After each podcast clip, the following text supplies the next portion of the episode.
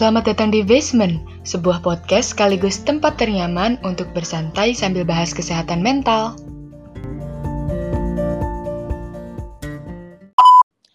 Halo teman-teman, balik lagi nih di podcast Basement Undip Bahas Sehat Mental GSM 3.0 Universitas Diponegoro. Apa kabarnya nih teman-teman semua? Semoga teman-teman ada dalam keadaan yang sehat, baik fisik maupun mental, dan juga tentunya bahagia selalu ya teman-teman. Nah di episode kali ini nih, mungkin kalian merasa ada yang aneh gitu ya atau ada yang beda gitu sama suara podcaster-podcaster yang bakal nemenin kalian di episode kali ini. Nah, jadi episode kali ini tuh spesial banget teman-teman karena kalian bakal ditemenin sama aku, Yohana dan Keke. Nah, kita berdua dari Psikoedukator GSM 3.0 Undip. Nah, terus di episode kali ini kita bakal bahas apa nih, Lana? Nah, jadi ke di episode kali ini kita tuh bakal bahas tuntas pokoknya deh ya semua pertanyaan-pertanyaan dari teman-teman semua mulai dari uh, online campaign yang kedua, yang keempat dan juga yang keenam pastinya. Pastinya udah pada penasaran juga nggak sih ke sama jawaban-jawaban dari pertanyaan mereka yang nggak kejawab-jawab nih ya kayaknya. Aduh iya bener banget nih Wana. Maaf ya teman-teman mungkin kita udah membuat kalian menunggu gitu. Tapi finally it's here. Yes, Jadi bener banget. Kita mulai aja kali ya yo langsung. Boleh banget ke. Kita mulai dari uh, topik apa dulu nih kira-kira ke? Kecemasan dulu kali ya. Nah, iya bener banget. Thank you ya, Hana udah di spill nih topik pertama yang bakal kita bahas. Sama-sama loh. Oke, jadi uh, pertanyaan pertama yang bakal kita jawab itu pertanyaannya kayak gini nih. Jadi begini, saya mulai mengalami sering cemas yang terkadang muncul kembali. Seringkali hmm. saya abaikan karena anggapan saya itu hanya pikiran semata saja. Namun ternyata hmm. itu menguras energi, hingga saya merasa putus asa, menangis, hingga kehilangan motivasi untuk mencapai target, dan itu terjadi berlarut-larut. Saat ini pun saya sering kehilangan motivasi dalam mengerjakan suatu hal. Jujur ingin kembali bangkit, entah mengapa rasanya sulit sekali.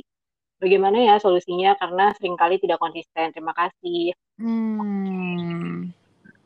Oke, sebelumnya uh, buat teman-teman yang nanya ini sebelumnya terima kasih ya sudah berani untuk open up dan mengakui mm -hmm. apa yang merasakan dan terima kasih juga sudah bertahan sejauh ini. Terus kalau jawaban dari kita kira-kira begini ya, uh, kan rasa cemas itu adalah hal yang normal terjadi nih sebagai bentuk respons kita terhadap situasi-situasi dalam kehidupan kita. Tapi jika rasa cemas itu muncul secara berlebihan, maka kita perlu mengelolanya nih agar tidak mengganggu aktivitas sehari-hari. Dan ketika kamu merasa sulit untuk mengendalikan rasa cemas itu sendirian, kamu bisa banget loh mencoba untuk baginya dengan orang lain. Contoh paling gampangnya itu ya bercerita gitu, untuk meluapkan emosi. Tapi jika sulit untuk menceritakan kepada orang lain, kamu bisa mengekspresikannya dalam bentuk tulisan atau gambar Pokoknya yang penting ada sarana untuk menyalurkan emosi yang kamu rasakan. Terus, ketidakkonsistenan yang kamu rasakan itu bisa jadi disebabkan oleh rasa cemas yang uh, kamu tahan dan akhirnya menumpuk. Terus mengabaikan rasa cemas kamu hanya akan menghilangkannya sementara karena akar penyebabnya itu belum terselesaikan. Jadi bercerita, menulis, atau menggambar dapat membantu kamu menemukan penyebab dari rasa cemas yang kamu rasakan. Dengan begitu akan lebih mudah untuk kamu mengelola rasa cemas tersebut bisa dengan menjauhi sumber rasa cemas, menghilangkan sumber kecemasan, atau justru menghadapi sumber rasa cemas itu. Sehingga ketika akar masalahnya sudah terselesaikan, emosi cemas yang kamu rasakan pun juga akan berangsur hilang. Nah, gimana nih menurutmu Yohana? Mungkin poin paling pentingnya tuh ini ya, bercerita, menulis, menggambar, pokoknya meluapkan, terus mencari tahu akar dari kecemasannya tuh apa. Kamu setuju yes. Gak? Setuju banget, setuju banget. Ini biar kita juga tahu jelas gitu ya sebenarnya uh, kita tuh cemasnya tuh karena apa dan kita juga bisa mengatasi hal tersebut gitu jadinya. Dan yang pasti tuh intinya juga jangan dipendem-pendem gak sih ke karena rasanya bakal capek sendiri juga kalau kita pendem-pendem terus. Iya, aku setuju Yohana. Nah, mungkin itu ya cukup untuk jawaban pertanyaan pertama. Nah, pertanyaan kedua boleh bantu jawab ya, Hana? Dua, tiga. Oke, selanjutnya nih pertanyaan kedua itu mungkin uh, pertanyaan yang banyak banget ditanyain sama teman-teman di luar sana juga gitu ya. Nah, pertanyaannya itu adalah tips menghadapi cemas di fase quarter life crisis. Nah, mungkin sebelumnya sebelum ngejawab pertanyaan ini, uh, aku mau uh, kasih tahu juga kalau misalkan setiap jawaban-jawaban dari pertanyaan-pertanyaan teman-teman di sini itu dijawab sama tim psikoedukatornya GSM 3.0. Jadi nggak cuma sama aku dan uh, ke kedoang gitu. Nah, oke, okay, aku langsung aja kali ya ngejawab pertanyaan ini. Jadi kalau untuk tipsnya itu ada tiga tips nih teman-teman dari uh, teman psikoedukator. Yang pertama itu kita bisa menghindari untuk ngebandingin diri kita sendiri dengan orang lain.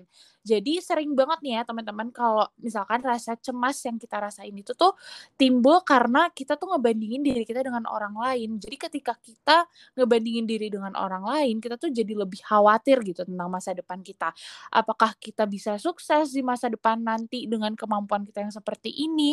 Aku tuh nggak um, sehebat dia pasti aku tuh nggak bakal berhasil pasti ada aja kan pemikiran-pemikiran kita tuh yang kayak gitu nah selain itu ngebandingin diri kita dengan orang lain tuh juga bisa banget ngebuat kita jadi ragu gitu sama kemampuan diri kita sendiri dan akhirnya kita sulit untuk bisa punya sikap objektif terhadap diri kita sendiri hal-hal uh, ini tuh juga jadinya ngebuat kita jadi fokusnya tuh sama kekurangan kita dibandingkan fokus sama kelebihan-kelebihan yang kita milikin kayak gitu.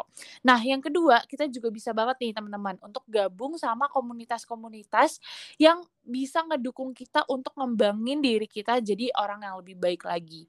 Karena dengan bergabung dengan komunitas, kita tuh pasti terbantu gitu dalam proses pengembangan diri kita. Karena kita bisa mengeksplor lebih banyak hal-hal lagi di luar sana. Terus kita juga bisa ketemu-temu orang-orang lain gitu kan yang mungkin juga punya ketertarikan yang sama sama kita.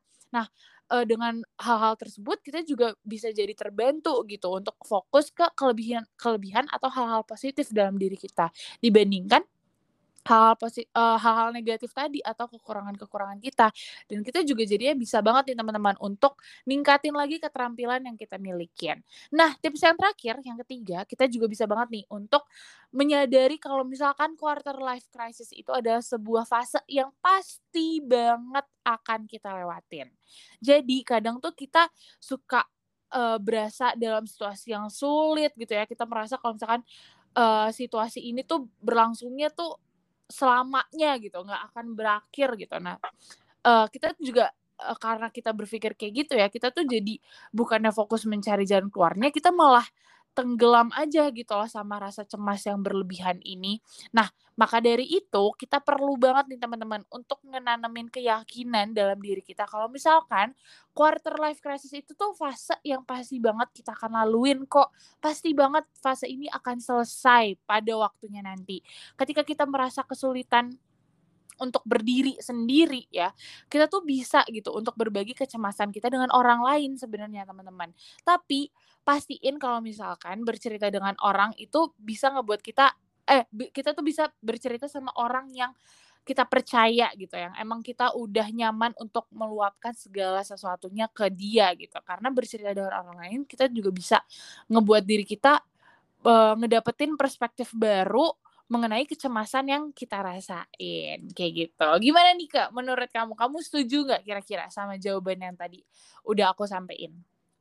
Iya jelas ya, aku setuju banget. Intinya sih kalau dari yang aku tangkap juga nih, kita harus fokus sama diri sendiri dan percaya diri aja nih untuk ngadepin yes. quarter life crisis ini. Betul banget. Oke, selanjutnya ada pertanyaan dari apa lagi nih kak? Oke, langsung aja nih kita masuk ke pertanyaan selanjutnya dan ini adalah pertanyaan-pertanyaan dari teman-teman yang menghadiri online campaign keempat nih yang temanya itu tentang emosi. Dan okay. pertanyaan cukup menarik nih Yohana, pertanyaan Apa selanjutnya. Oke, jadi ada teman yang nanya, apakah pada saat mimpi kita dapat merasakan emosi dan berasal dari mana emosi tersebut? Nah, unik nggak nih Yohan? Hmm, menarik, menarik, menarik. Aku juga jadi kepo nih kak. Oke, jadi biar nggak kepo-kepo lagi, uh, langsung aja kita jawab ya. Jadi jawabannya uh, bisa gitu, kita merasakan emosi dalam mimpi gitu karena ini berdasarkan dari penelitian yang diadakan Malinowski ini tahun 2017 hasilnya itu menyatakan adanya fenomena yang dinamakan dream rebound. Jadi ketika kita hmm. menahan emosi, mereka bisa muncul dalam mimpi kita. Jadi kalau hmm. misalnya ada teman-teman yang bilang, eh capek banget deh sampai ke bawah mimpi itu beneran loh bisa terjadi. Dan hal ini hmm. dibuktikan pada partisipan yang menahan pikiran-pikiran negatif. Nah, partisipan yang menahan pikiran-pikiran negatif ini membuat emosi negatif yang mereka rasakan itu eh, mereka rasakan dan tahan itu termanifestasi dalam mimpi mereka terus bentuknya itu kesedihan, ketakutan, kemarahan dan kecemasan. Tapi emosi yang dirasakan di mimpi ini emang cenderung emosi yang negatif ya karena kalau dari penelitian ini emosi positif itu nggak secara signifikan terwujud dalam mimpi gitu teman-teman. Oh, wow. Aku juga jadi nambah insight baru lagi sih, Kak. Karena dari penyampaian jawaban kamu tadi, aku baru tahu tuh yang dream rebound. Wow, menarik, menarik, menarik. Oke, nah gak cuma itu kak, ini juga ada pertanyaan lagi nih dari uh, teman-teman yang lain. Dia tuh nanya kayak gini, salah gak sih kak menarik diri dari orang lain demi bisa nenangin diri kita sendiri. Takut dianggap egois atau sombong, apalagi di circle aku yang begini. Oke. Nah, kalau dari tim psikoedukator uh, sendiri teman-teman, ini ada jawaban dari salah satu um, tim kita. Dia uh, jawabannya tuh gini. Tentu memberi waktu kepada diri sendiri itu berbeda dengan egois atau sombong. Egois itu ketika kita mementingkan kepentingan diri sendiri dan ngabain kepentingan orang lain. Jadi kita ngekasih waktu ke diri kita sendiri itu untuk lebih tenang itu sebenarnya adalah bentuk rasa sayang kita teman-teman terhadap diri kita sendiri ketika kondisi lingkungan atau misalkan orang-orang di sekitar kita tuh terasanya tuh kayaknya kurang kondusif gitu ya. Kita tuh boleh banget teman-teman untuk ngambil waktu sejenak, nenangin diri kita sendiri dan kasih space untuk diri kita sendiri gitu. Tapi kalau misalkan di situasi tersebut setiap tindakan yang kita lakuin itu berdampak terhadap orang lain. Nah, makanya kita tuh perlu banget nih untuk komunikasiin keputusan-keputusan yang pengen kita ambil untuk menenangin diri tersebut dengan orang lain juga.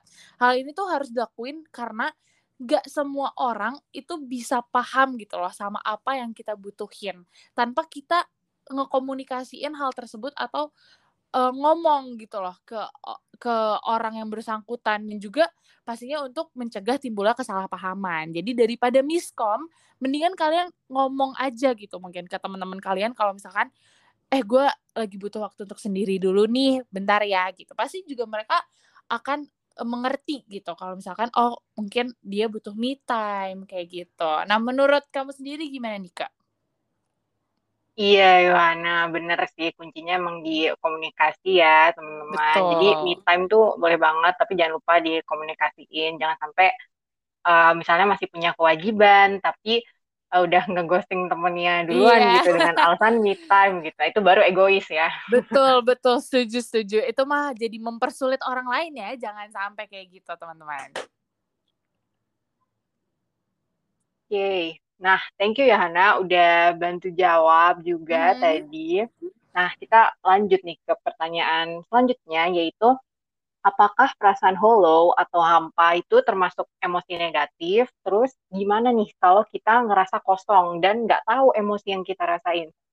Nah, kalau berdasarkan dari uh, Merriam-Webster nih, teman-teman, definisi hollow yang dimaksud tuh mungkin uh, ini ya, itu uh, kayak lacking in real value, sincerity, or substance, or meaningless gitu. Atau kalau dalam bahasa Indonesia, hampa gitu rasanya. Nah, terus ini termasuk emosi negatif bukan sih? Tapi kalau kita lihat dari nama istilahnya nih, uh, yang dalam bahasa Inggris nama istilahnya tuh emotional numbness atau emotional numbing. Jadi artinya ini adalah fase ketika seseorang tidak bisa merasakan apa-apa. Jadi ini bukan termasuk hmm. emosi negatif gitu. Karena menurut seorang psikoterapis nih namanya Myra Mendes PhD. Ini uh, emotional numbing adalah proses mental dan emosional untuk dalam tanda kutip mematikan perasaan yang mungkin dialami sebagai kekurangan dari respons emosional atau reaktivitas. Jadi nggak hanya mematikan perasaan dan ingatan tentang pengalaman negatif, tapi kita juga jadi nggak punya kemampuan gitu untuk merasakan rasa puas, minat untuk bersosialisasi dan berinteraksi secara positif, terus takut untuk terbuka terhadap keintiman, dan kemampuan menyelesaikan masalah. Jadi kalau kalian pernah ada yang merasa kehilangan minat nih sama hobi kalian, padahal biasanya kalian seneng-seneng aja ngejalaninnya, tapi kok rasanya bosen gitu, terus merasa hmm. jauh dari orang lain, rasa datar secara fisik dan emosional, kesulitan mengalami perasaan positif dan menikmati hidup, terus lebih suka menyendiri, bisa jadi teman-teman nih sedang mengalami emotional numbness ini. Terus uh, apa nih yang bisa kita lakukan kalau merasa kosong? Nah, langkah pertama itu uh, untuk mengatasinya, kita tuh jangan menilai diri sendiri buruk gitu ketika mengalami perasaan hollow ini Selanjutnya, kita bisa pelan-pelan berusaha untuk memproses perasaan negatif dibandingkan menahannya atau bahkan menghindarinya. Dan yang penting kita hmm. juga berusaha melakukan identifikasi gitu terhadap emosi apa yang kita rasakan dan hal apa sih yang memicu munculnya perasaan hollow itu. Jadi kalau suatu saat ada hal serupa yang terjadi, nah teman-teman bisa menghadapinya dengan lebih tegar gitu kira-kira Yohana Oke, oke, thank you ke udah membantu gitu ya menjawab pertanyaan dari teman-teman GSM nih. Oke, kita lanjut lagi ke pertanyaan yang selanjutnya. Ini juga menarik banget menurut aku kok. Dia nanya, apakah baper dan kesepian itu termasuk emosi? Bagaimana cara mengatasi baper dan kesepian ini, Kak? Hmm, oke. Okay. Coba kita bantu jawab ya, Kak ya. Jadi uh, di sini jawabannya mungkin baper itu tuh bukan suatu emosi ya teman-teman, tapi reaksi kita yang uh, tapi reaksi yang diberikan baper ini baru bisa dikatakan sebagai sebuah emosi gitu. Jadi mungkin bapernya sendiri atau baper itu kan sebenarnya singkatan ya, singkatan dari bawa perasaan. Jadi ketika kita bawa perasaan terhadap suatu hal, kita mungkin aja ngerasa sedih, kecewa, sakit hati, atau hal-hal lain yang baru bisa dikatakan sebagai emosinya tersebut. Jadi sama halnya dengan pengertian emosi itu sendiri, yaitu keadaan yang kompleks yang berlangsungnya tuh gak lama dan punya komponen dalam tubuh kita. Jadi dasar emosi itu kan emang cuma ada enam ya. Tapi bukan berarti kita tuh cuma punya enam emosi, teman-teman.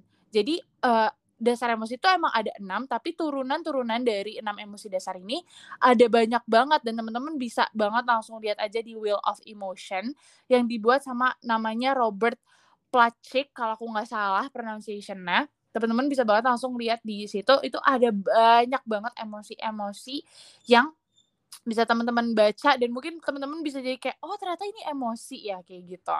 Nah jadi uh, ada banyak banget ya uh, teman-teman emosi-emosi turunan dari enam emosi dasar tersebut dan kesepian atau lonely itu juga termasuk salah satunya termasuk salah satu emosi itu teman-teman nah untuk baper ini sendiri kita tuh sebenarnya uh, gak perlu menangani hal ini ya karena kita tuh sebagai manusia layak dan sangat wajar untuk membawa perasaan atau merasakan perasaan terhadap suatu hal yang terjadi. Karena hal ini tuh juga sebenarnya merupakan reaksi gitu dalam diri kita. Tapi mungkin kita tuh uh, harus bisa tetap harus bisa ngontrol emosi yang kita rasain dan nggak uh, terlalu berlarut-larut dalam emosi tersebut gitu. Jadi untuk kesepian sendiri uh, sedangkan ya untuk kesepian sendiri kita tuh bisa menanganin hal ini dengan ngedeketin diri kita dengan diri sendiri lebih memperdekatkan dengan diri kita sendiri terlebih dahulu. Karena dengan kayak gitu kita tuh jadi nggak perlu bergantung juga pada orang lain atau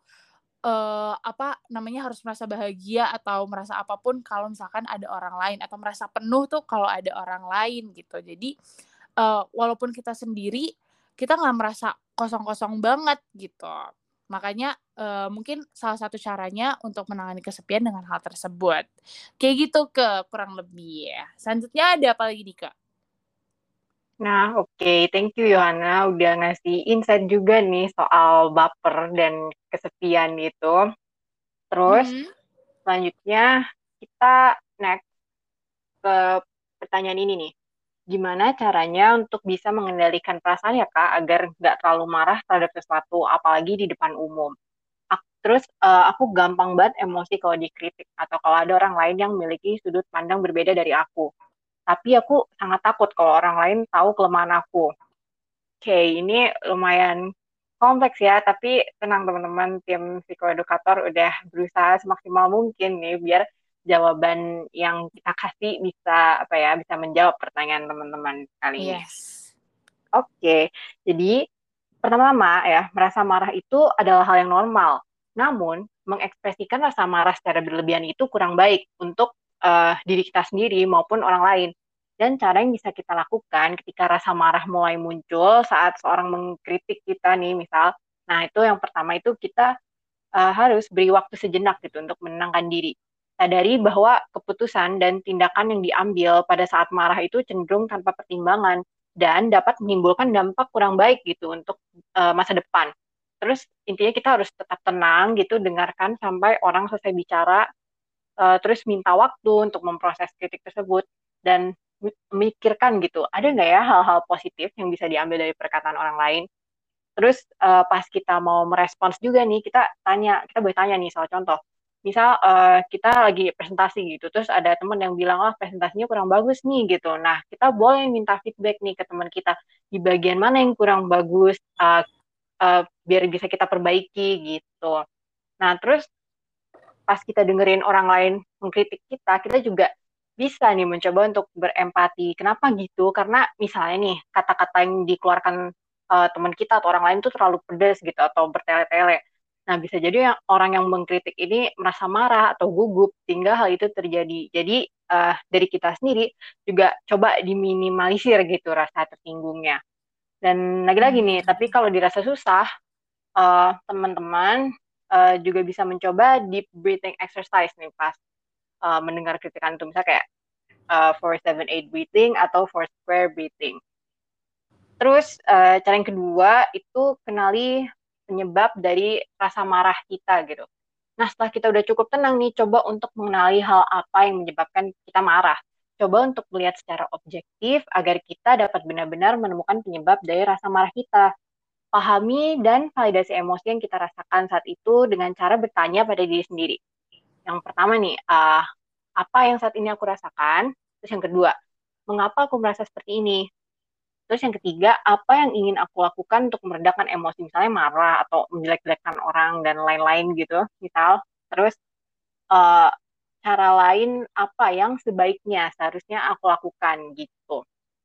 Terus yang ketiga, Eh, kita bisa memberi jarak dengan sumber kemarahan kita. Jadi ketika sudah menemukan sumber kemarahan kita, coba untuk ambil jarak agar emosi kita jadi lebih stabil dan baru kita mengambil keputusan mengenai tindakan yang akan kita lakukan dengan lebih bijaksana.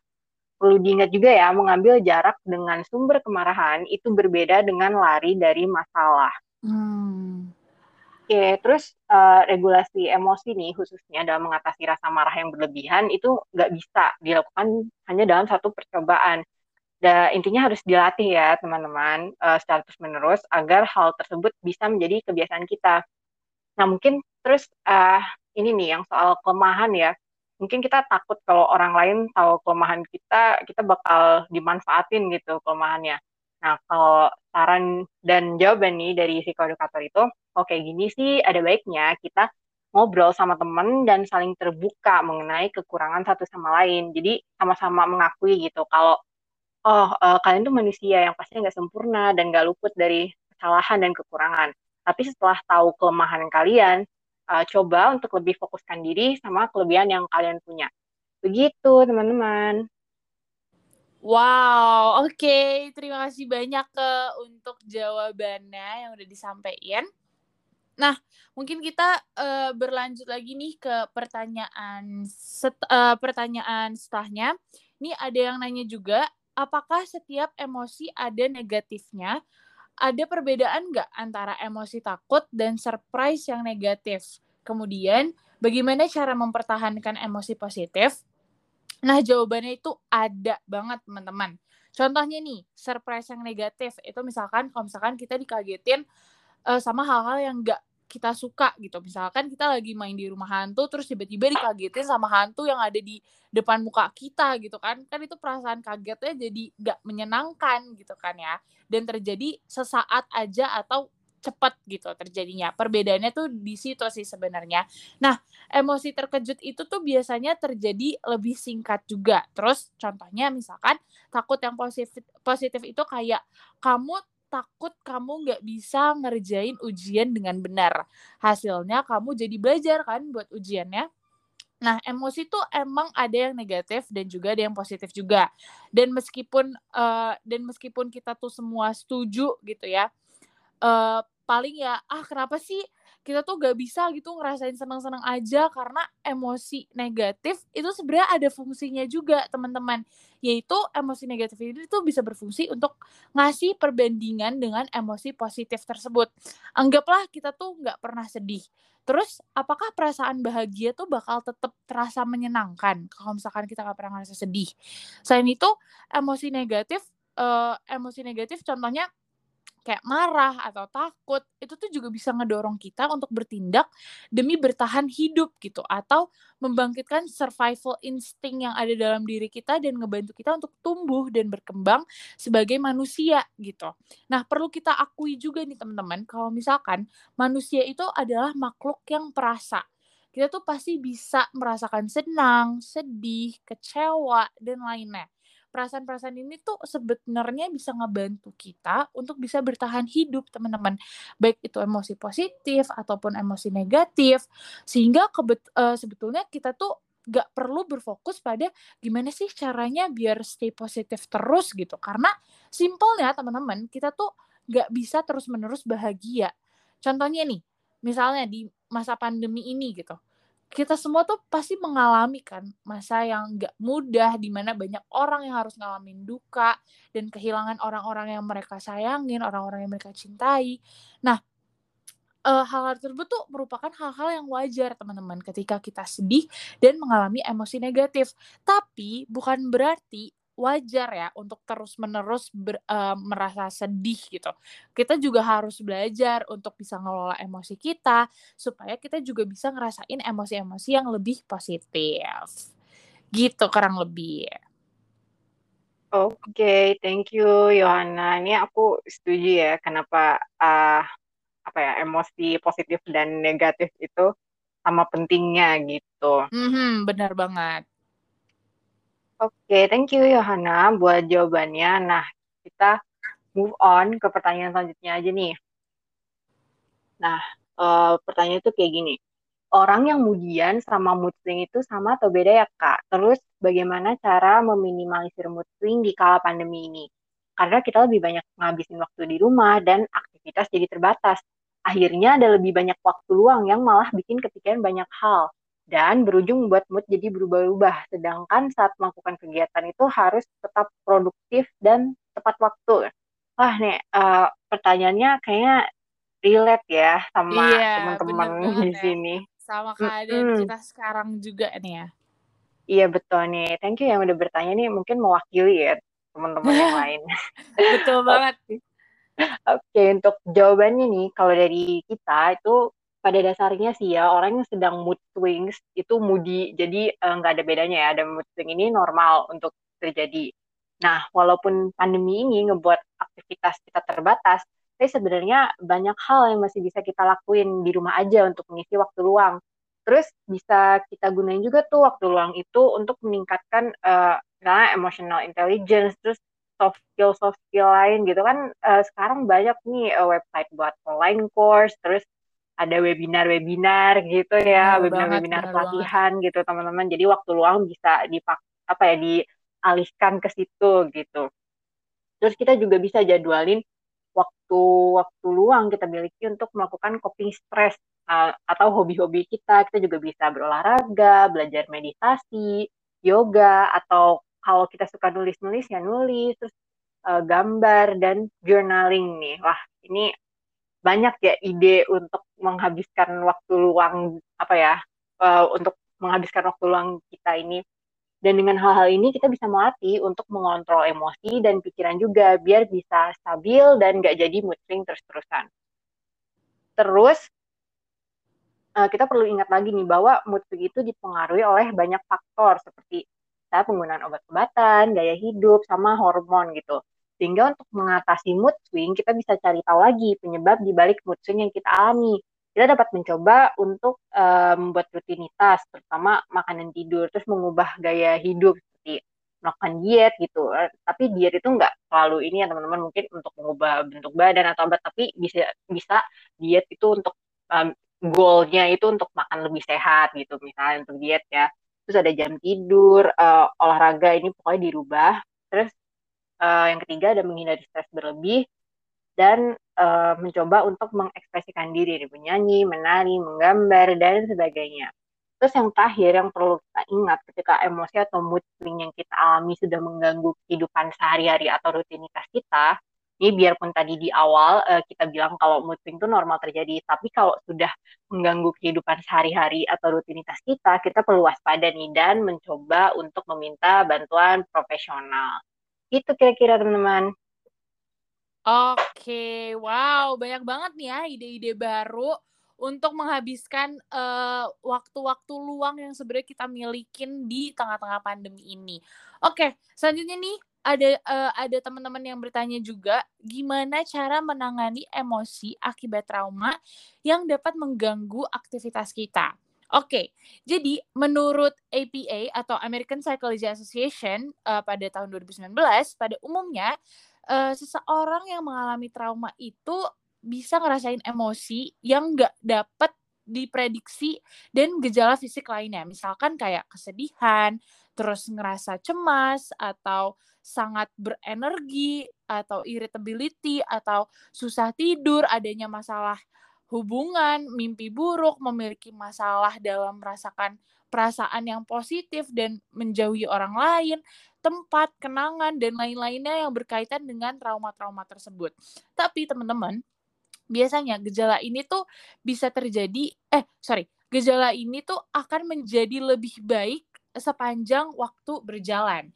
Jadi, uh, APA ini sendiri ngejelasin kalau misalkan beberapa cara untuk ngurangin stres dari trauma tersebut itu uh, ada beberapa caranya nih ya teman-teman. Yang pertama itu ada bersandar pada orang yang kita cintai.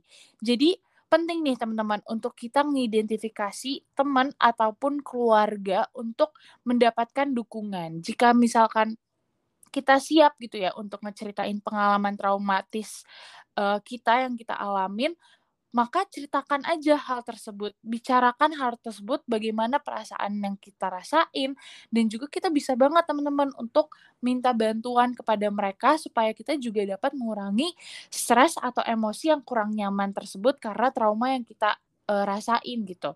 Terus yang kedua, kita juga bisa untuk menghadapi perasaan tersebut. Jadi sangat wajar ya teman-teman kalau misalkan kita tuh ngerasa ingin banget gitu ngehindarin hal-hal yang berkaitan dengan peristiwa-peristiwa traumatis tersebut. Tapi bukan hal yang baik kalau misalkan sepanjang waktu kita tuh hanya mengisolasi diri dan eh, mengisolasi diri orang-orang yang kita cintai gitu atau misalkan kita tidur tiduran aja sepanjang waktu dan melakukan coping stress yang nggak sehat lainnya. Nah meskipun melakukan penghindaran tapi uh, penghind uh, meskipun menghindari pe penghindaran itu sebenarnya adalah hal yang normal teman-teman. Tapi kalau misalkan uh, itu dilakuin dengan sangat lama atau secara terus menerus maka itu tuh bisa banget untuk menjadi hal yang justru nggak baik untuk diri kita sendiri. Makanya perlu banget untuk uh, secara bertahap gitu ya kita tuh kembali sama rutinitas normal kita dan ngedapetin orang-orang yang kita cintain gitu dan juga pastinya kita bisa banget meminta bantuan yang profesional, meminta bantuan pada profesional. Nah, terus selanjutnya yang ketiga itu ada merawat diri. Nah, kita bisa juga nih teman-teman untuk ngutamain ngerawat diri kita sendiri kayak makan yang bergizi, berolahraga secara teratur, terus kegiatan kegiatan-kegiatan atau aktivitas-aktivitas lainnya yang bisa um, mungkin skincarean juga gitu ya atau uh, kalau untuk yang cewek-cewek gitu ya mungkin kita juga bisa luluran atau kita um, pergi ke salon untuk krimbat dan dan lain sebagainya sehingga kita juga bisa tidur atau lebih nyenyak gitu. Nah, Terus kita juga bisa nge-explore lebih uh, jauh lagi nih coping stress yang sehat untuk kita tuh sebenarnya seperti apa. Misalkan kita ngelakuin uh, relaksasi atau meditasi atau kita bermain musik, ngelakuin hobi-hobi kita yang pastinya juga positif ya teman-teman dan lain sebagainya. Dan yang terakhir itu ada sabar ingat kalau misalkan hal yang normal apabila kita tuh punya reaksi yang kuat terhadap suatu pengalaman trauma kita. Tapi lakuin secara perlahan teman-teman. Berproses maju sedikit demi sedikit aja. Yang penting tiap hari tuh ada prosesnya untuk menjadi yang lebih baik gitu. Maka sedikit waktu berlalu gejala tersebut tuh pasti akan lebih membaik lagi dari sebelumnya. Jadi jangan hindari emosi kita teman-teman, tapi tetap rasain kehadirannya dan bantu untuk salurin emosi tersebut dengan hal-hal yang sehat dan perlahan untuk pulih kembali dari trauma kita. Kayak gitu.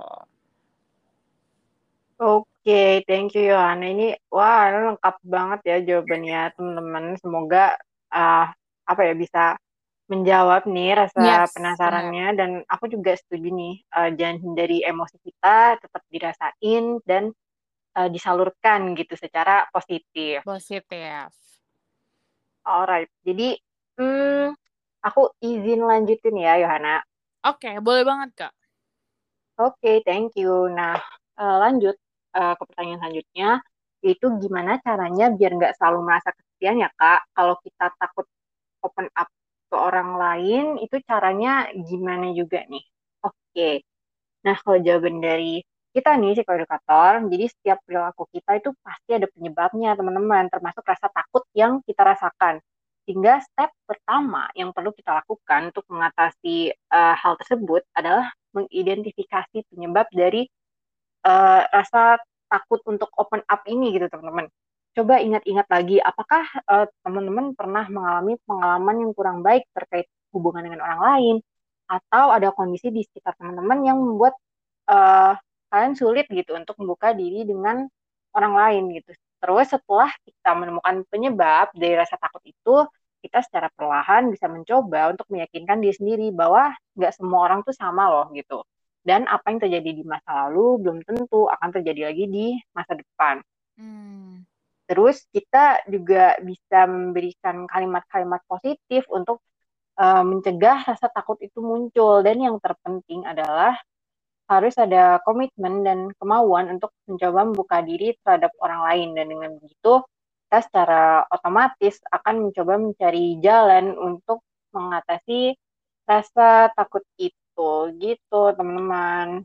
Oke, thank you Kak udah menyampaikan jawabannya. Mungkin kita move lagi nih ke next question karena masih banyak ya pertanyaan yang harus kita jawab tuntas nih pada episode kali ini. Jadi aku langsung uh, apa namanya sampaikan aja pertanyaan selanjutnya. Ini ada yang nanya juga nih Kak aku nggak tahu ini daddy issue atau bukan, tapi aku susah banget buat let people in di hidupku. Gimana sih caranya biar ilangin pemikiran ini? Oke, okay. Wah ini kita juga belum bisa mastiin ya itu daddy issue atau bukan. Tapi karena kamu bilang susah buat let people in dalam hidup aku, jadi mungkin kita lebih bahas ke trust issue aja kali ya, yang lebih masuk mungkin nih ke pertanyaannya. Nah, trust issue itu sering banget teman-teman diakibatkan dari hasil pengalaman masa lalu kita yang kita udah alamin sebelumnya. Terutama gimana hubungan kita dengan orang tua kita. Karena pada kenyataannya nih teman-teman, orang tua tuh sebenarnya merupakan orang yang pertama kali berinteraksi dengan kita yang memainkan peran tuh sangat besar bagi bagaimana kita tuh berhubungan sosial dengan orang lain atau orang-orang yang ada di sekitar kita. Nah, untuk ngehilangin pemikiran atau asumsi buruk itu, kita uh, ke asumsi buruk kita terhadap orang lain yang di mana hal tersebut tuh dikarenakan oleh trust issue kita tadi, maka yang bisa kita lakuin adalah dengan belajar untuk bisa merefleksi diri.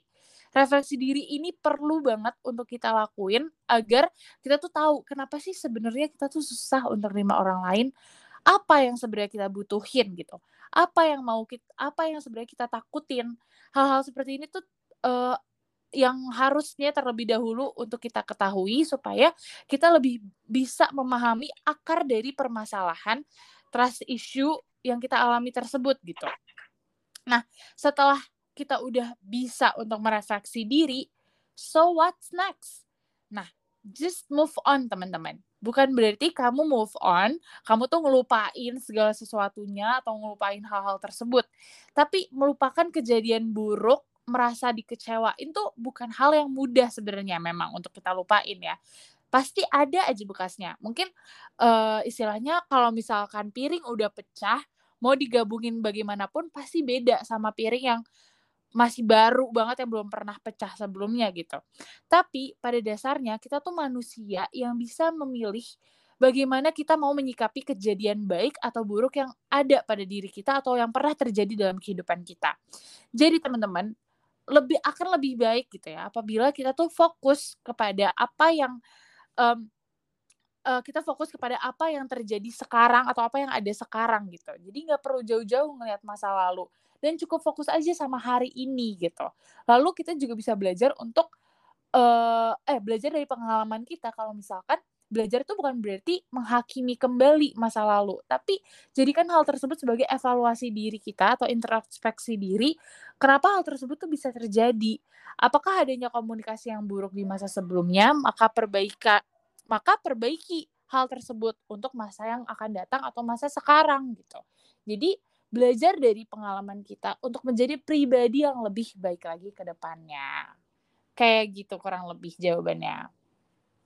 Wah, oke okay banget nih teman-teman. Uh, ini penting ya buat diingat itu belajar bukan berarti menghakimi gitu, tapi jadinya yes. sebagai bahan evaluasi gitu ya teman-teman. Mungkin suka, uh, mungkin dari aku sendiri juga mungkin suka lupa gitu soal ini. Jadi ini sebagai ya. reminder ya. lagi ya. Mm-mm, betul, betul banget nih. Nah, uh, yo untuk pertanyaan selanjutnya nih agak berkaitan juga nih sama pertanyaan sebelumnya. Jadi, okay. Uh, pertanyaan selanjutnya itu bagaimana cara menangani rasa kesal kepada orang tua yang selalu uh, dan selalu dibikin sakit hati gitu dengan kata-kata orang tua gitu dan orang tua tuh sama-sama keras kepala gitu dengan saya dan saya nggak pengen bertengkar dengan orang tua tapi ya ngeselin gitu Nah, okay. ini merempet curhat banget ya pertanyaannya, iya, teman-teman.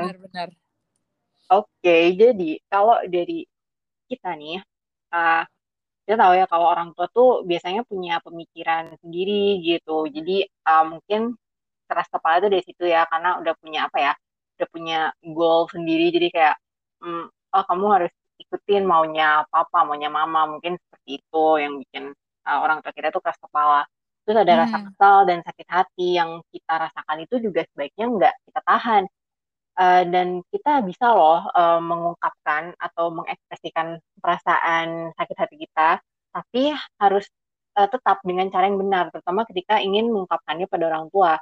Cara yang mungkin bisa kita lakukan nih sebagai anak adalah pertama kita harus bisa kontrol emosi kita terlebih dahulu. Dan bagaimanapun yang kita ajak ngobrol tuh orang tua kita kita harus tetap hormat. Jadi hmm. jangan meluap-luap atau marah-marah gitu kalau misalnya kita uh, mau mengungkapkan perasaan kita ke orang tua kita.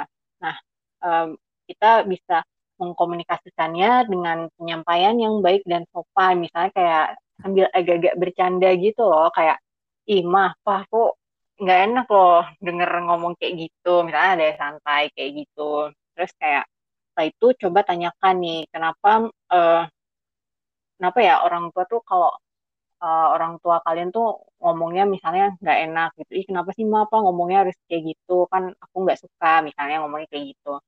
Nah intinya selama kita bisa uh, mengkomunikasikan dan bicarakannya dengan nada rendah dan sopan orang tua kalian nih juga mungkin bisa jadi mau gitu untuk mendengarkan apa yang kita rasakan dan kita juga jadi tahu nih alasan orang tua kita berperilaku demikian. Jadi intinya harus apa ya, harus uh, mengkomunikasikan dan ha, apa ya, pokoknya ini deh mencoba untuk saling mengerti gitu, sama-sama berusaha gitu dari kitanya berusaha dan dari orang tuanya juga berusaha gitu. Yes. Kamu setuju nggak, Yohana?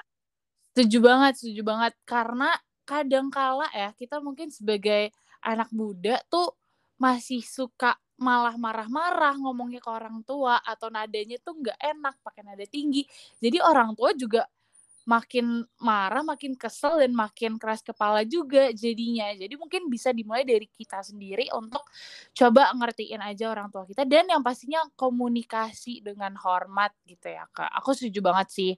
Oke, okay. kita uh, ada lagi nih pertanyaan selanjutnya kak. Pertanyaannya itu gimana cara kita menyikapi ketika kita merasa pasif sama diri kita seperti kita tidak tahu bagaimana emosi kita. Terus gimana uh, gimana supaya mampu menyampaikan pikiran dan perasaan karena sering kali sulit. Oke. Okay. Nah, uh, di sini tim uh, psikoedukator udah coba menjawab juga nih ya teman-teman. Kalau dari uh, jawaban tim psikoedukator sendiri, kalau kita udah mulai ngerasa pasif nih sama diri kita sendiri, berarti kita udah butuh nih yang namanya me time atau ngasih waktu luang dengan diri kita sendiri. Me time tuh bisa dilakuin dengan banyak hal ya teman-teman. Mungkin tadi juga udah kita bahas gitu sebelumnya. ide-ide uh, apa aja yang bisa kita lakuin uh, dengan me time atau mengisi waktu luang kita gitu kan hal hal tersebut tuh misalkan uh, tetap kita lakuin dengan cara kita masing-masing juga nyamannya tuh gimana dan bisa uh, kita lakuin hobi-hobi kita atau jalan-jalan sendiri, baca buku, nonton film dan lain sebagainya ya masih banyak banget teman-teman. Nah dengan ngelakuin me time ini sendiri kita tuh bisa banget untuk jadi lebih dekat juga sama diri kita sendiri dan meminimalisasi pasif tersebut gitu. Nah kalau misalkan uh, yang pertanyaan sulit uh, ngenalin emosi yang kita rasain, nah sebenarnya itu tuh hal yang wajar ya teman-teman untuk kita alamin karena uh, kita juga tumbuh semakin dewasa, jadi gak akan semudah itu lagi gitu untuk bereaksi terhadap emosi selayaknya anak kecil yang mungkin kayak gampang banget gitu berespon terhadap suatu hal. Nah pikiran kita tuh kan semakin berkembang ya jadi suka mempertanyakan segala sesuatunya dan bahkan jadi ragu ini bener gak sih emosi yang gue rasain tuh ini valid gak sih sebenarnya perasaan gue tuh kayak gini gitu. Nah ada tiga cara nih teman-teman untuk bisa ngenalin emosi kita. Yang pertama kita tahu berbagai macam emosi yang ada dulu. Jadi uh, apa ya mungkin semakin memperluas lagi kata kata-kata emosi yang jenis-jenis emosi yang ada gitu emosi dasar itu emang cuma ada enam emang cuma ada bahagia sedih takut jijik kaget dan marah. Tapi sebenarnya teman-teman masih banyak banget emosi-emosi turunan dari enam emosi dasar tersebut. Nah jenis-jenis emosi inilah yang bisa banget kita lihat di Wheel of Emotion Study juga. Dan uh, kita semakin bisa mengenali emosi kita dengan baca baca-baca berbagai jenis emosi lainnya. Nah, yang kedua, kita juga bisa pertimbangin nih intensitas dari emosi yang kita rasain ini. Kita bisa kasih rate mungkin ya dari 1 sampai 10 sebenarnya seberapa deep sih emosi yang kita rasain, seberapa penting atau seberapa urgent dan seberapa besar gitu emosi yang kita rasain ini. Kalau misalkan kita udah bisa identifikasi dan ngasih penilaian gitu ya, kita bisa uh, memilih kata yang lebih tepat lagi untuk menamakan emosi tersebut. Dan yang terakhir teman-teman, kita juga bisa menulis apa yang kita rasain. Penelitian juga udah menunjukin ya teman-teman, kalau misalkan dengan menulis apa yang kita rasain, kita tuh bakal bisa untuk mulai ngembangin lagi arti dari perasaan kita atau bahkan yang mungkin sebenarnya uh, yang bukan kita rasain gitu. Nah, Terus gimana sih cara ngungkapin apa yang kita rasain karena sering kali sulit gitu ya. Emang ya perlu banget uh, kita akuin kalau misalkan ngutarain apa yang menjadi pikiran kita, apa yang menjadi perasaan kita tuh nggak gampang teman-teman. Sebagian orang uh, mungkin bagi sebagian orang gitu ya, ini tuh merupakan suatu hal yang sulit untuk mereka bisa ekspresikan atau komunikasikan. Nah, bisa jadi kita tuh nggak bisa ngungkapin karena kita nggak tahu nih apa yang sebenarnya lagi kita rasain. Atau misalkan kita takut kalau ngutarain perasaan tuh malah jadi berantem. Atau misalkan kita ngerasa gak ada gunanya dan mikir buat apa sih sebenarnya aku ngungkapin tuh juga gak ada yang bisa uh, berempati gitu mungkin atau misalkan om uh, nggak ada yang peduli juga dan lain sebagainya. Nah, padahal teman-teman uh, menyampaikan apa yang menjadi pikiran atau perasaan kita tuh sebenarnya merupakan suatu hal yang uh, bisa jadi cara coping kita gitu loh, coping coping dari diri kita sendiri. Jadi sebelum kita lebih paham nih gimana cara kita ngungkapin pikiran dan perasaan kita, kita perlu tahu dulu nih sebetulnya kita tuh lagi ngerasain apa sih? Kita tuh bisa uh, coba buat lebih spesifik lagi ngedeskripsiin apa yang kita rasain instead of bilang aku bete gitu. Atau kita uh, bisa juga coba buat bilang kalau aku kecewa deh karena bla bla bla bla gitu. Jadi ada ada pras ada alasannya gitu di balik emosi yang kita rasain. Nah yang kedua setelah kita tahu apa yang kita rasain, kita juga bisa banget nih untuk coba kenalin lebih jauh apa yang kita rasain dengan cara sekuat apa sih perasaan kita ini, bagian tubuh mana yang ikut uh, merasakan apa yang kita rasain. Terus berikutnya, kita juga bisa banget untuk coba mengungkapkan perasaan kita tersebut yang dapat dimulai dari tiga kalimat yaitu aku merasa bla bla bla bla. Nah, yang terakhir tentu aja, selain dengan berbicara, masih ada cara lain untuk mengungkapin pikiran dan perasaan kita, yaitu dengan ngelukis, bernyanyi, menari, menulis, dan lain sebagainya. Kita bisa mulai dengan cara yang menurut kita paling nyaman dan paling gampang kita lakuin. Kayak gitu, Kak. Wah, mantap ya, uh, Yohana. Jadi, uh, kalau dari yang aku dapat juga nih, teman-teman, so far nih uh, banyak ini sarannya dari tadi kayak melukis, menyanyi, menari, menulis gitu misal.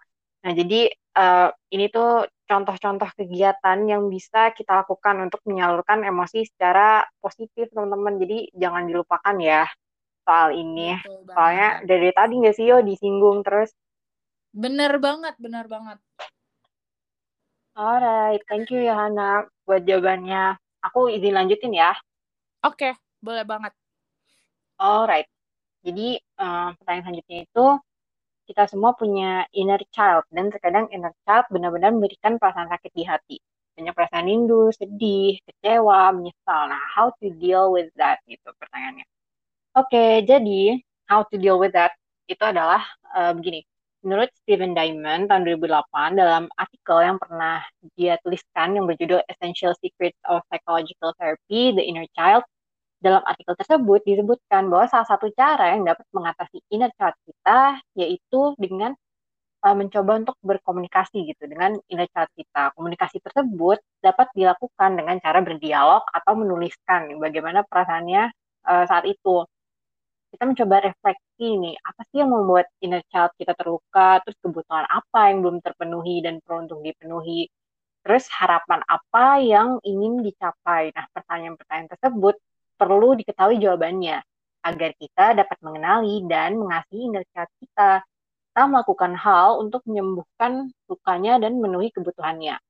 Nah, dengan mencintai dan menyembuhkan inner child, kita dapat memulai untuk mencintai diri kita uh, dan memenuhi kebutuhan diri kita sendiri serta memberdayakan diri kita untuk tetap fokus pada apa yang ada hari ini dan bukan pada masa lalu. Gitu simpelnya, Yohana. Oke, berarti emang uh, fokus gitu ya apa yang ada hari ini. Mungkin ini juga tadi udah dibahas juga ya sebelumnya. Jadi mungkin lebih mindfulness atau fokus aja sama apa yang kita hadapin sekarang dibanding uh, kita terus-terusan mikirin masa lalu yang udah nggak bisa kita ubah tapi bisa kita perbaiki gitu ya kak. Iya bener setuju banget Yohana. Oke, selanjutnya nih, ini pertanyaan terakhir nih kak dari uh, online campaign tentang emosi. Jadi pertanyaannya itu, kenapa ya Kak? Padahal uh, udah merasa sabar, ikhlas, tabah, tapi sekali ditanya kenapa langsung nangis. Aduh, Waduh. ini ini bener-bener aku can relate banget. Bener-bener bisa dirasakan semua orang Bener, ini ya. Iya, betul banget, betul banget. Nah, ini jawabannya kurang lebih gini kenapa sih kalau kita ditanya dikit aja tuh bisa langsung nangis? Hal ini tuh sering terjadi karena tanpa kita sadari ya teman-teman, ternyata udah banyak banget emosi yang menumpuk dalam diri kita. Mungkin rasanya kita tuh udah menjadi orang yang sabar, ikhlas, tabah, kuat gitu ya, terlihat kuat di luar. Tapi kalau misalkan kita coba refleksiin lagi nih ke diri kita sendiri, sebenarnya emang kita bener-bener sabar atau sebenarnya kita hanya menahan aja gitu dan menekan emosi kita aja tanpa menyalurkan dengan cara yang baik atau dengan cara yang sehat gitu. Sabar, ikhlas dan tabah itu beda ya artinya teman-teman dengan menekan em, menekan-nekan emosi atau nahan-nahan emosi ke diri kita sendiri. Semua emosi secara alamiah itu pasti dirasain oleh manusia, baik itu emosi yang nyaman untuk dirasain ataupun emosi yang sebenarnya kurang nyaman untuk kita rasain. Emosi ini hadir itu perlu kita salurin teman-teman. Itu kenapa penting banget bagi kita untuk bisa mengenal diri kita dan ngetahuin kebutuhan emosi kita.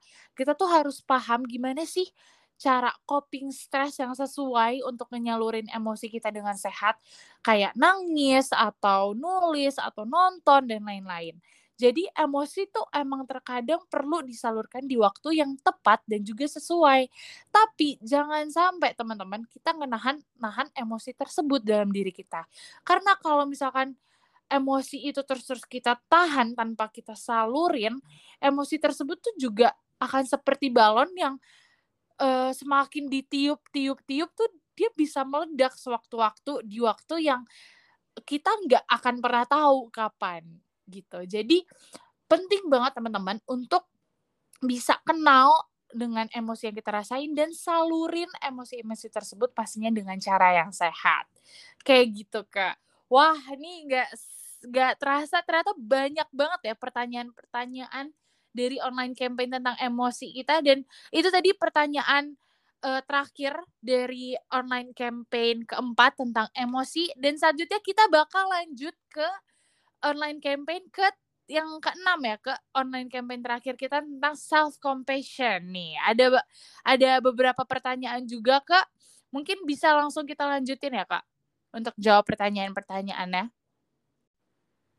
Oke kita uh, lanjut nih ke pertanyaan dari uh, OC 6 nih teman-teman yang berkaitan tentang self compassion gitu. Nah mungkin pertanyaan pertama itu adalah mengapa setiap masuki lingkungan baru sering terjadi culture shock? Terus solusinya gimana, Kak? Oke, okay.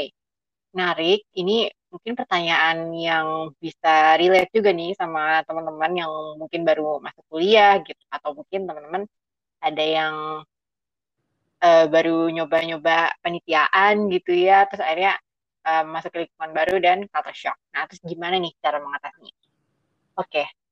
uh, sebelumnya kita jawab dulu ya, culture shock itu uh, hal yang umum gitu terjadi ketika seseorang merasakan perasaan gelisah, bingung, cemas saat masuki suatu hal yang menurutnya baru atau tidak biasa dari sebelumnya.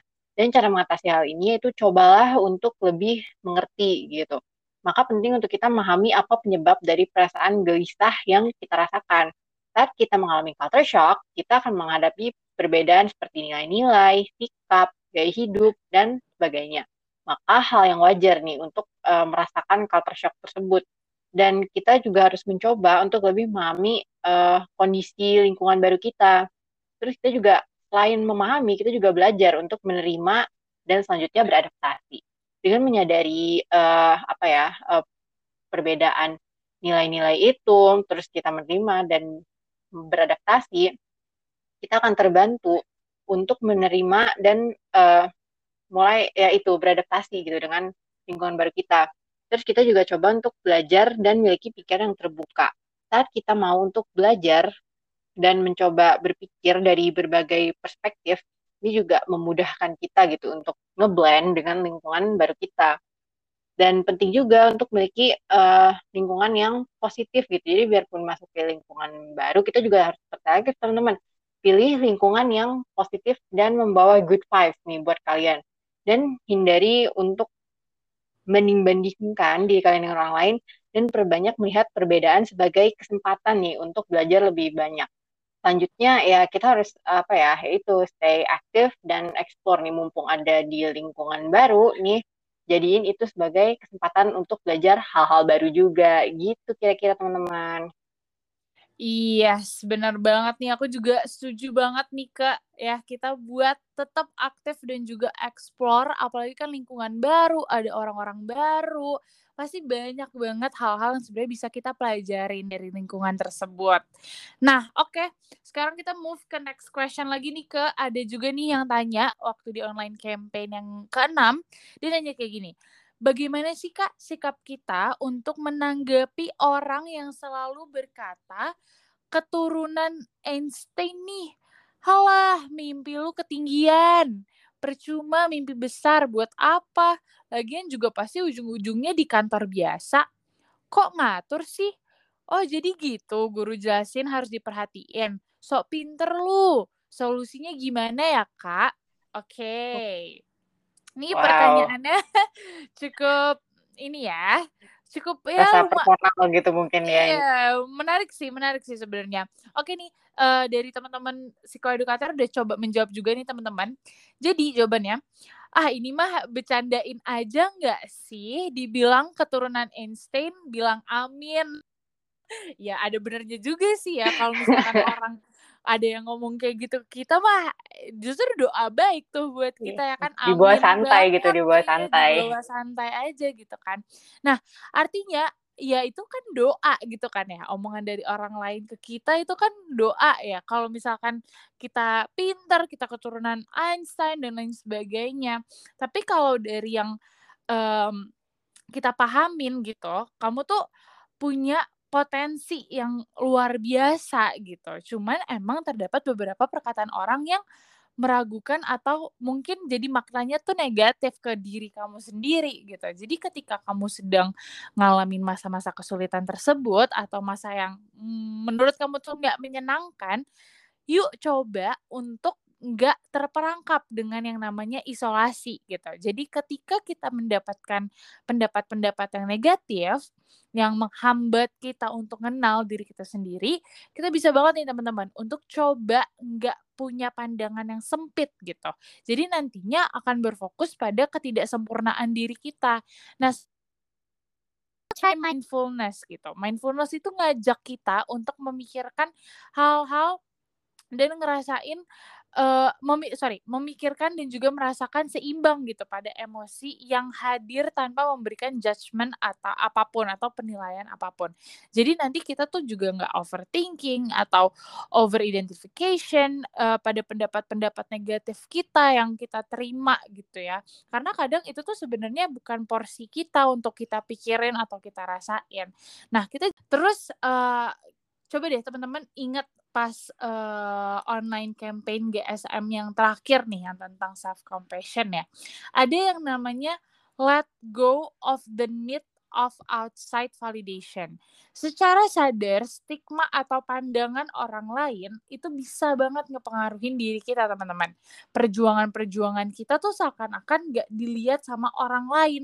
Jadi jangan memilih untuk menggantungkan kebahagiaan kebahagiaan kita tuh pada validasi dari orang lain gitu ya. Jadi jangan kayak kita butuh validasi orang lain supaya diri kita tuh bisa bahagia karena kita tuh bisa menghargai dan juga memaknai nilai-nilai di balik masa sulit kita dan bisa banget ngehargain diri kita untuk menjadi yang lebih baik lagi. Jadi mungkin ini saran ya nih teman-teman. Kalau misalkan uh, ada pendapat negatif dari orang lain, itu tuh dapat lebih ngebangun dan memahami diri kamu itu tuh bagus gitu. Tapi kalau misalkan enggak ya jangan dipikirin banget gitu. Jadi kayak ya udah itu bukan porsi kita untuk memikirkan hal tersebut. Nanti juga kamu enggak welas asih sama diri kamu sendiri jadinya kayak gitu. Iya nih, bener banget, Johanna. Ini uh, aku setuju nih sama yang let go of the need of outside validation gitu. Terus sama ya bener. Uh, ini ya uh, dibecandain aja sih intinya kalau ada yang ngomong kayak gini. Justru ya anggap aja as a compliment gak sih? Ya iya betul. aja kalau dibilang orang pintar ya kan? Iya, yes, bener banget nih. Oke, okay, thank you Yohana. Aku lanjutin ya buat jawab okay, pertanyaannya. Boleh banget, boleh banget. Alright. Jadi, thank you. Nah, jadi pertanyaannya itu adalah mengapa kita sulit sekali menerima kenyataan ya kak, terkadang merasakan menyalahkan diri sendiri, menyakiti diri sendiri, dan lain-lain. Oke, jadi uh, jauh uh, pemahaman psikoedukator nih, uh, kenyataan yang dimaksud ini mungkin kenyataan pahit ya gitu, kenyataan yang nggak menyenangkan. Jadi berkaitan dengan OST terakhir nih, online campaign kemarin yang mm, membahas tentang self-compassion, Ciri-ciri self compassion itu ada self kindness, common humanity, dan mindfulness. Jadi ketika kita mengalami kenyataan yang nggak menyenangkan gitu, ada yang namanya common humanity. Jadi bukan kita sendiri aja yang pernah mengalami hal itu. Uh, jadi maksudnya orang lain tuh juga pernah gitu mengalami kesulitan menerima kenyataan. Jadi jangan sampai uh, misalnya kamu merasa sendiri gitu kok kayak ah kayaknya aku doang ya yang sulit menerima kenyataan. Enggak kok teman-teman uh, teman-teman nggak sendiri dalam merasakan hal itu. Terus selanjutnya ketika merasakan hal ini gitu. Pasti kan ada momen-momen di mana kita tuh ngejudge diri kita sendiri dan ini berkaitan dengan self kindness. Umpamanya nih, misalnya ketika uh, teman teman kita lagi cerita dan mengalami masa sulit, pasti kita pengen nemenin dong teman kita, kita pengen ngehibur gitu. Nah, coba kita lakukan hal tersebut kepada diri sendiri karena uh, memahami dan menerima diri kita sendiri tanpa apa ya tanpa judgement itu juga sebenarnya sulit ya teman-teman.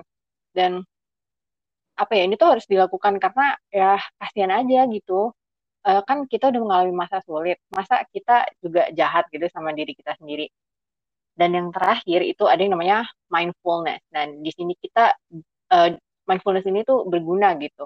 Untuk secara seimbang uh, membagi porsi antara perasaan negatif dan perasaan positif dan di sini kita juga bisa mengontrol emosi negatif kita biar kita nggak berujung ke overthinking atau over identification.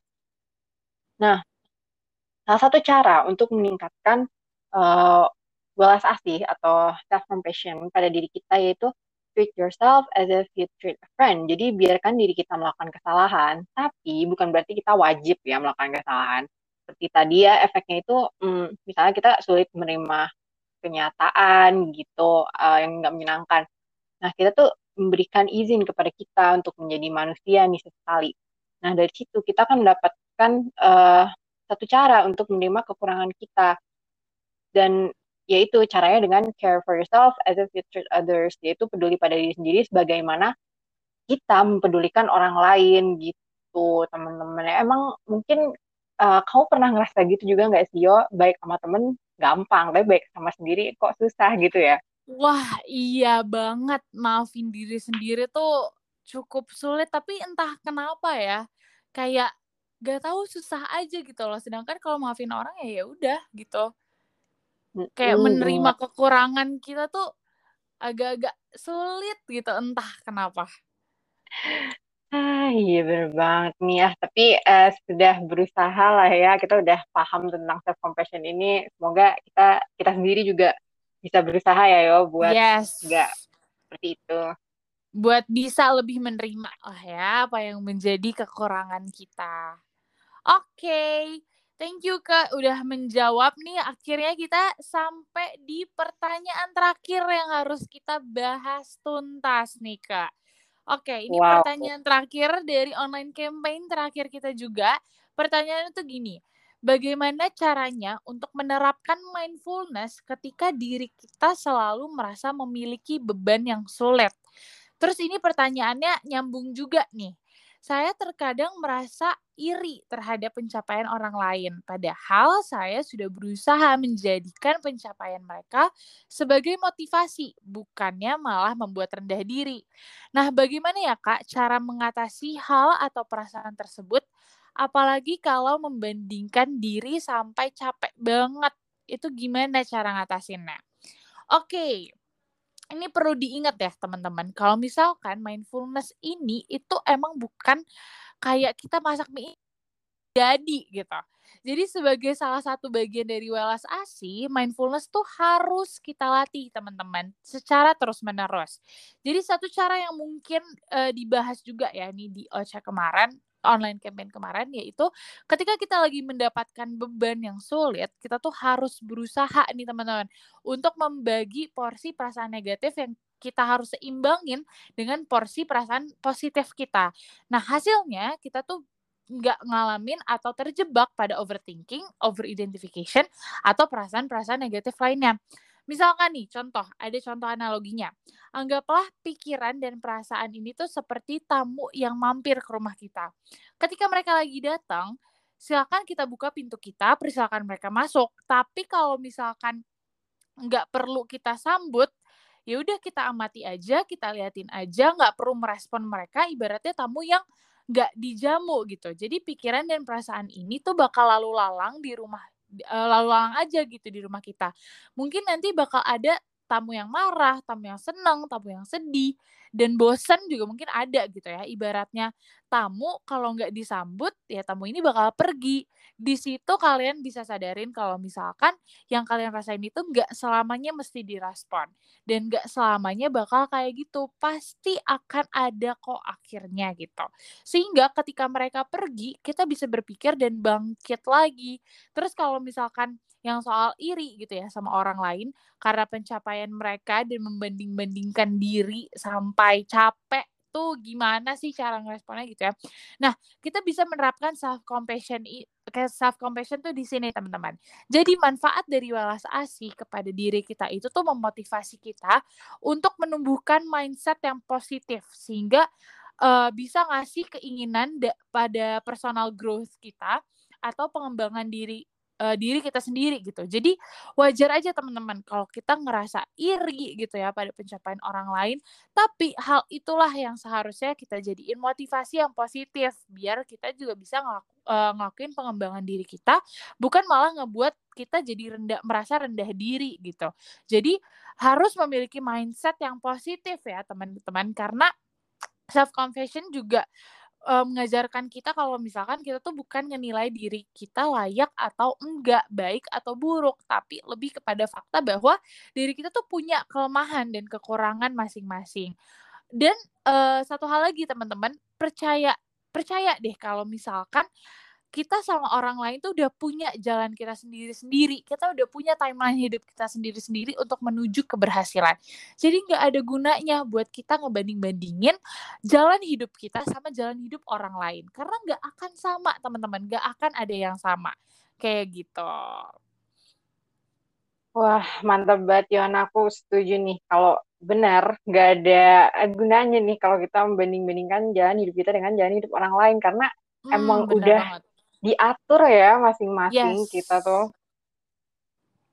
Wah, dan nggak terasa juga teman-teman, ini udah pertanyaan terakhir yang kita obrolin sini deh tadi uh, aku sama Yohana gitu dan uh, aku sama Yohana tuh udah ngobrol-ngobrol banyak nih di podcast ini. Nah, semoga yes. pertanyaan dari teman-teman bisa uh, terjawab dan bisa mm -hmm. dipahami juga. Oke, okay, kalau gitu karena udah panjang juga nih ngobrolnya. Sampai di sini dulu ya teman-teman. Aku dan Yohana, aku Sika Edukator dari GSM Undip 3.0 undur diri. Terima kasih teman-teman.